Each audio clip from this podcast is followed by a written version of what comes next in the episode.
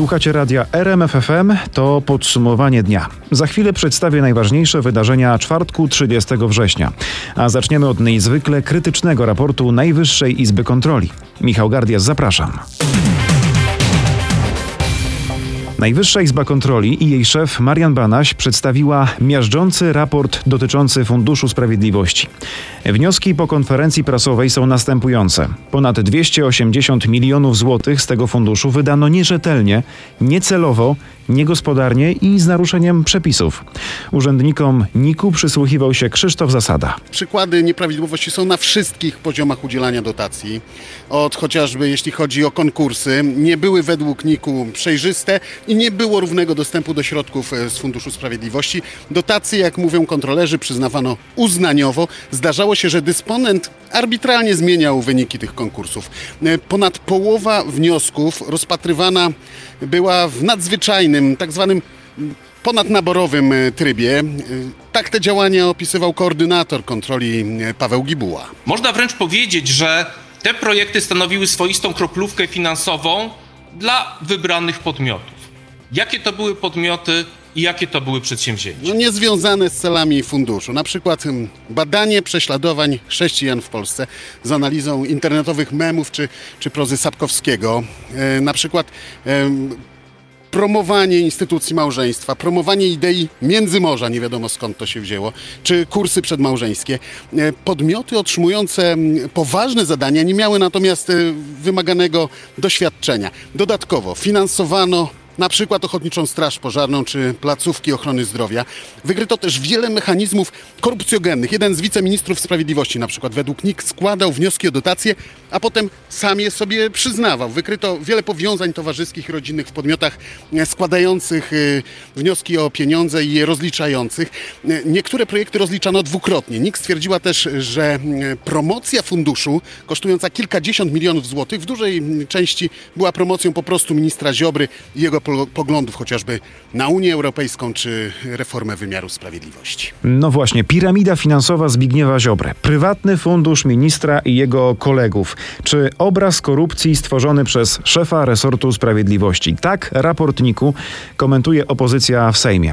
A te komentarze zebrał Mariusz Piekarski. Zjednoczona prawica no nie chciała zabrać głosu. Unikają na razie jak ognia komentowania raportu NIK, zniknęli na razie z sejmowych korytarzy, a ci, którzy tego nie zdążyli zrobić, twierdzą, że nie widzieli i nie słuchali zarzutów NIK-u. To jest komentarz pana profesora Banasia. Nie, Nie, kontrolerów. Nie, nie, Kontrolerów. nie, nie, nie słyszałem, nie komentuję. Poczekam na y, to, co powie minister sprawiedliwości. Nie czekają politycy opozycji. Lewica już zapowiada doniesienie do prokuratury na Zbigniewa Ziobrę. Fundusz Sprawiedliwości został sprywatyzowany przez ministra Ziobrę i jest traktowany jak fundusz y, kampa- na kampanię wyborczą dla polityków e, Solidarnej Polski. A politycy Koalicji Obywatelskiej wyliczają, że 280 milionów złotych bezprawnie według NIK-u wydanych z funduszu to cztery razy więcej niż zmarnowano na wybory kopertowe. To jest skala defraudacji. To jest tak naprawdę kwota, która przekracza dotacje dla wszystkich partii politycznych w naszym e, kraju. Ziobro buduje imperium na, na krzywdzie ofiar. Niemal wszyscy politycy opozycji komentując raport NIK-u dodają, w normalnym kraju Ziobro natychmiast zostałby zdymisjonowany i drugie zdanie. Prokuratura miałaby pełne ręce roboty, ale nie prokuratura Ziobry. Sejmu Mariusz Piekarski. Krzysztof Zasada odniósł się później do komentarza wiceministra sprawiedliwości Marcina Romanowskiego. Kwituje je określeniem, że są absurdalne i bulwersujące. Przekonuje, że z niezrozumiałych powodów nikt nie uwzględniła w raporcie szczegółów tłumaczeń resortu sprawiedliwości, które mm, przesłano Izbie na ponad 100 stronach. Odniósł się też do personalnego zarzutu z raportu, że wnioskował o dotację z funduszu i sam ją sobie przyznał, odpowiadając już za fundusz w resorcie sprawiedliwości. Projekt realizowany w Instytucie Wymiaru Sprawiedliwości to e, rozpoczął się zanim miałem jakikolwiek związek e, z funduszem. To był bardzo duży projekt międzynarodowy i trudno było znaleźć e, szybko osobę, która by zastąpiła kierownika projektu. Dodatkowo stwierdził, że zakwestionowane przez NIK 280 milionów złotych poszło w znacznej większości na ochotnicze straże pożarne i placówki ochrony zdrowia, a ich finansowanie mieści się pośrednio w celu funduszu, jakim jest wsparcie osób poszkodowanych przez przestępstwa. Wraca sprawa największej politycznej afery ostatnich lat, czyli afera taśmowa. Jej uczestnik Marek Falenta jest już na wolności. Miał on opuścić zakład karny w dolnośląskim Wołowie. E, Ponownie w podsumowaniu dnia nasz dziennikarz Krzysztof Zasada e, właśnie skończyła się kara dwóch i pół roku więzienia orzeczona przez sąd wobec Falenty. Zgadza się, ale jak się okazuje, biznesmen opuścił wołowskie więzienie już w zeszły wtorek, 21 września. Falenta starał się o warunkowe przedterminowe zwolnienie i w końcu sąd uwzględnił jego wniosek. Na wolność wyszedł jednak 9 dni przed zakończeniem odbywania kary. Sytuacja jest nietypowa, bo w związku z tym, że decyzja jest warunkowa, organizator afery taśmowej ma dwuletnią próbę i na ten czas dostał kuratora. Jeśli w tym czasie sprzeniewierzy się warunkom zwolnienia, na 9 dni trafi do więzienia. To nie koniec kłopotów Falenty. W warszawskiej prokuraturze trwa postępowanie w tak zwanej małej aferze taśmowej. Obejmuje nielegalne nagrania z podsłuchów, których nie uwzględnił pierwszy akt oskarżenia, samo zakładanie podsłuchów i udostępnianie nagrań kolejnym osobom. W RMFFM i RMF24 fakty podajemy od razu, na bieżąco. Watykan został poinformowany o możliwych zaniedbaniach, których miał się dopuścić w przeszłości arcybiskup Marek Jędraszewski, obecny metropolita krakowski.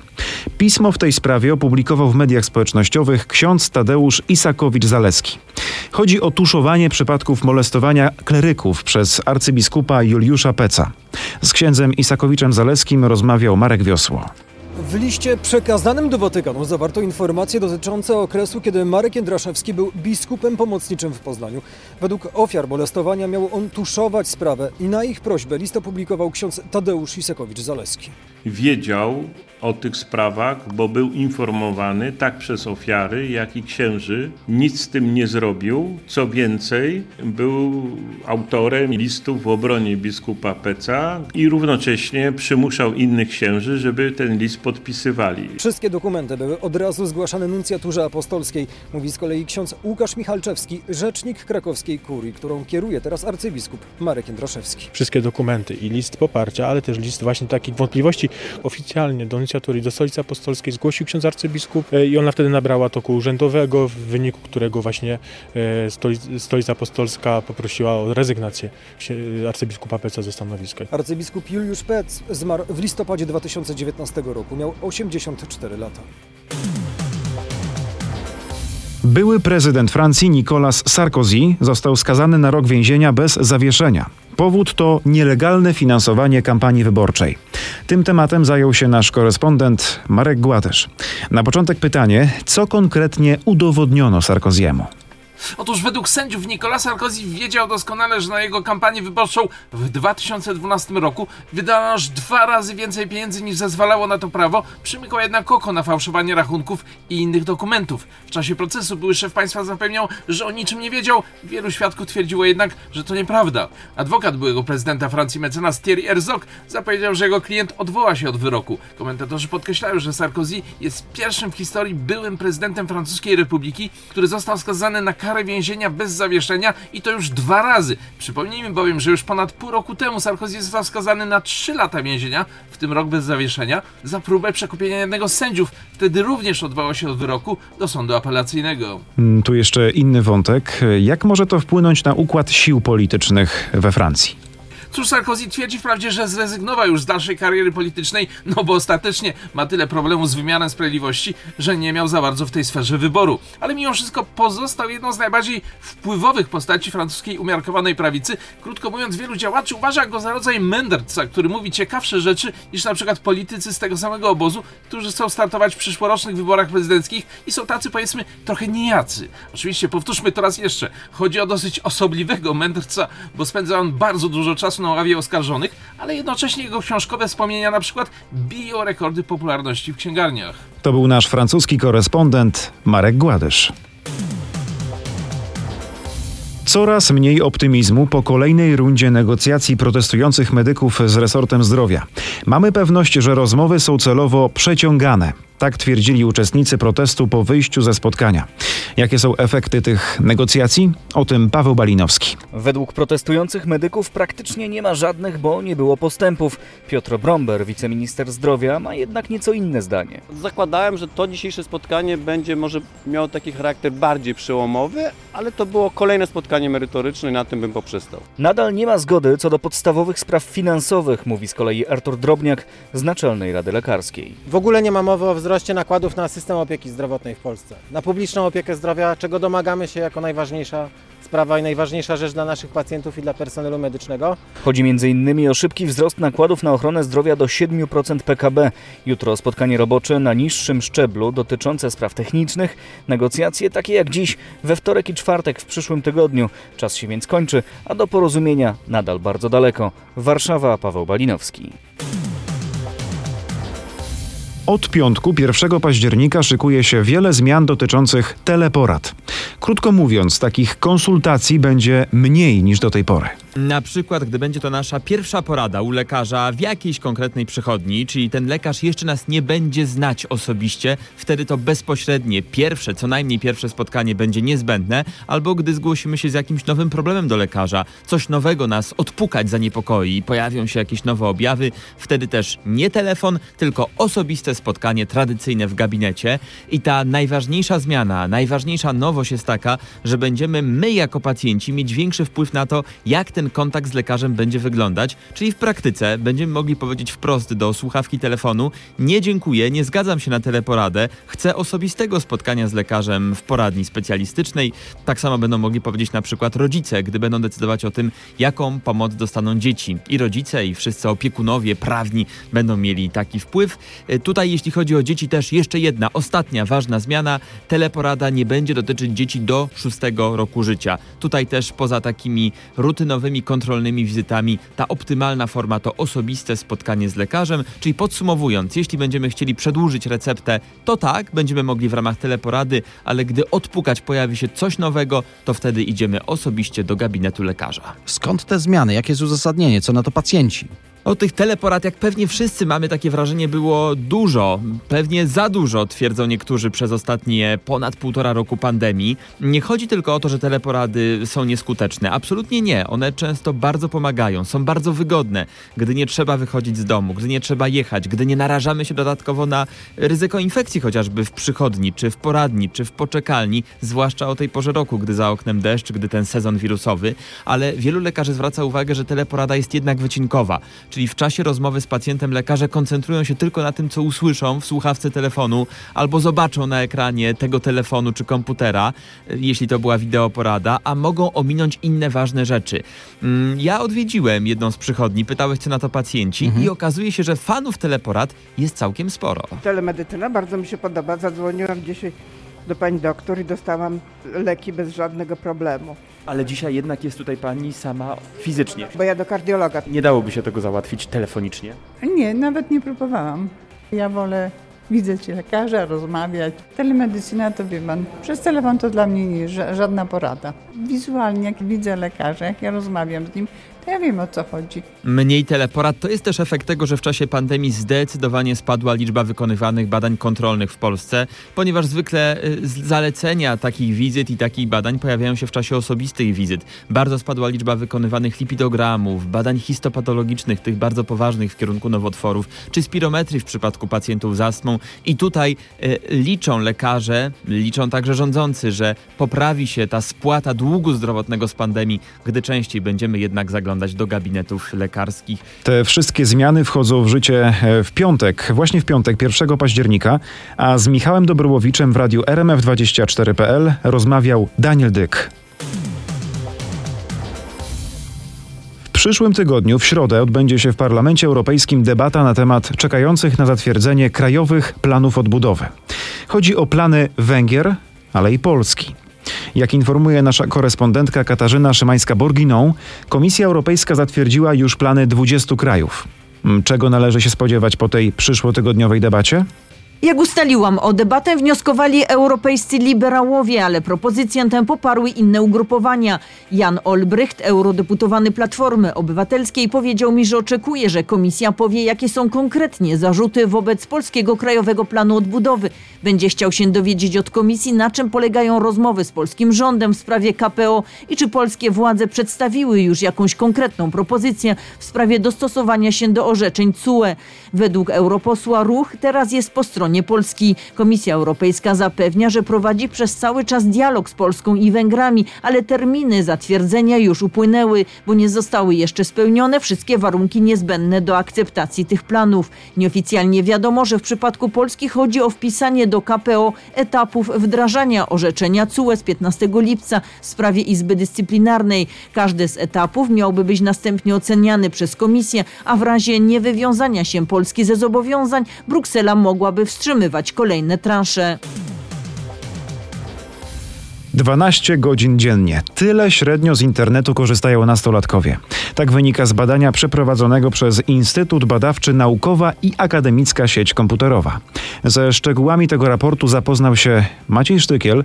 Jak zauważa, to nauka zdalna znacznie wydłużyła czas spędzany przed ekranem. Zdecydowanie wydłużyła. Na samą naukę zdalną młodzież poświęcała w ostatnim roku średnio 7 godzin i 40 minut dziennie. Badacze spodziewali się, że to zmęczy nastolatków i będą mniej surfować w internecie w czasie wolnym. No nic bardziej mylnego. W ciągu 6 lat rozrywka w sieci wydłużyła się o 2 godziny, ale uczniom nauka zdalna się podobała. Odpowiadało tak ponad 60% z nich. Najlepsze w edukacji online jest to, że łatwiej uzyskać dobrą ocenę. Rodzice nie podzielają tego entuzjazmu, ale uczniowie przyznali też w badaniu, że nie był to najłatwiejszy okres, mówi dr Rafał Lange z NASKU. Częstość e, deklarowania takich objawów somatycznych, ból głowy, tak, ona się zwiększyła.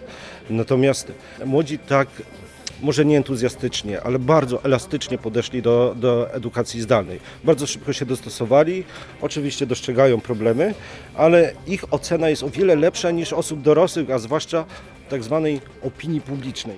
To jeszcze pytanie z drugiej strony. Jak to wygląda poza szkołą? Bo coraz wcześniej dzieci otrzymują swój własny smartfon, teraz średnio przed dziewiątymi urodzinami, a jeszcze kilka lat temu było to w okolicach 12 roku życia. Top 3 używanych aplikacji to YouTube, Facebook i Instagram. Na popularności na szczęście tracą tak zwane patostreamy. Młodzież coraz gorzej je ocenia. Jak już mówiłem, w czasie wolnym dzieciaki no też coraz dłużej siedzą w internecie, ale nie demonizujmy tego, mówi dr Rafał Lange. Też nie można traktować internetu jak telewizora, który to jest bodziec, który ma tylko dostarczyć jakieś tam dopaminy. Internet dla młodego człowieka to jest przestrzeń społeczna. On się tam spotyka z innymi osobami. Budżet czasowy dnia niestety młodzi ludzie mają teraz zapełniony w stosunku do tego, co było 3-4 dekady temu, że często jedynym sposobem, żeby się spotkać, porozmawiać ze znajomymi, stał się internet. No bo sobie szkoła, później jakieś jedne zajęcia, drugie zajęcia.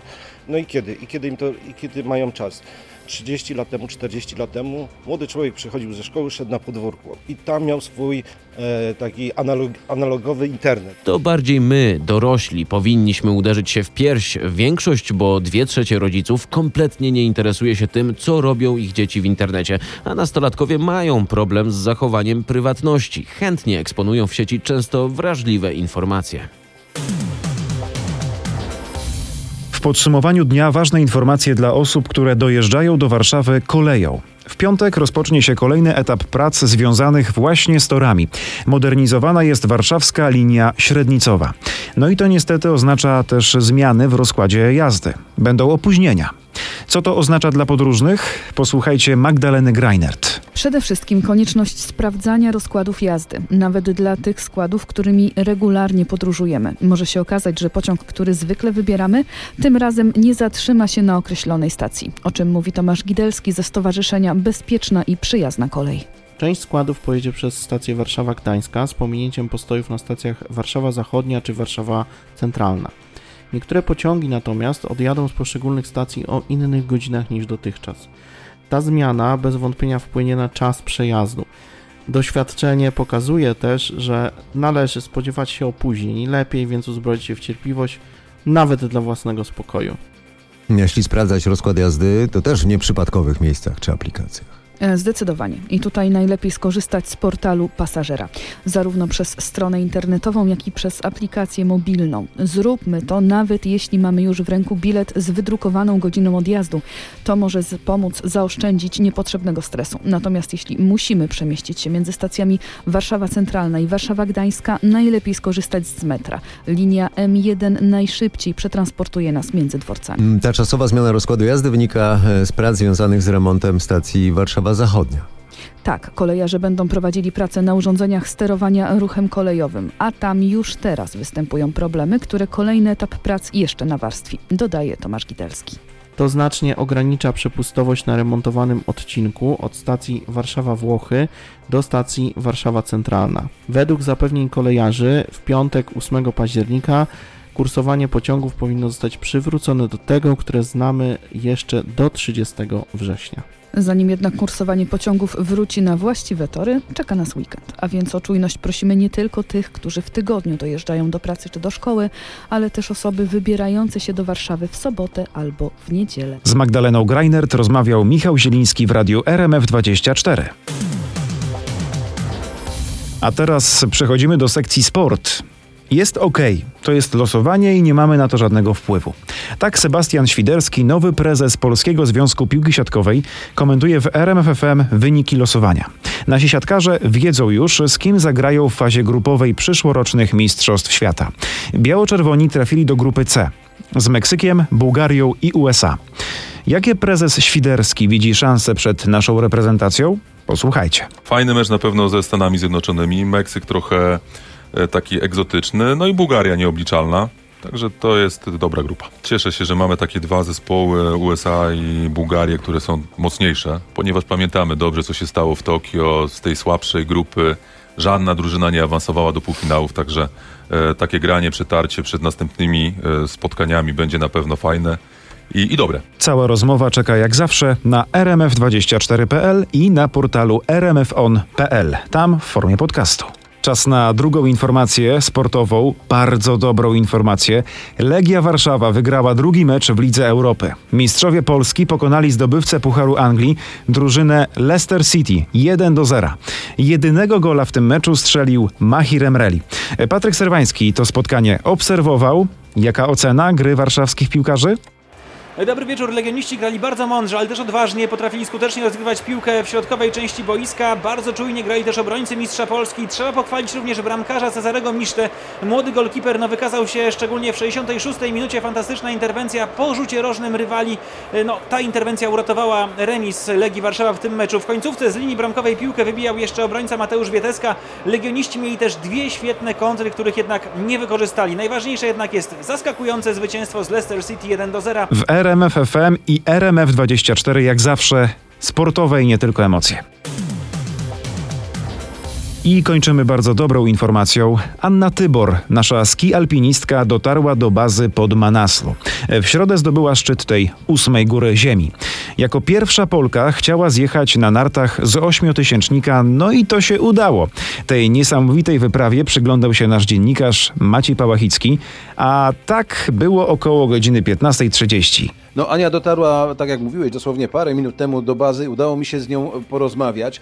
E, jest już na dole, jest bezpieczna, y, jest bardzo zmęczona. Po drodze musieli zwijać wszystkie obozy, obóz czwarty, obóz trzeci. Także mówi, że dojechali na dół do bazy e, jak takie objuczone e, jaki e, albo, albo jak szerpowie, bo mieli trzy namioty i kilkanaście śpiworów ze sobą.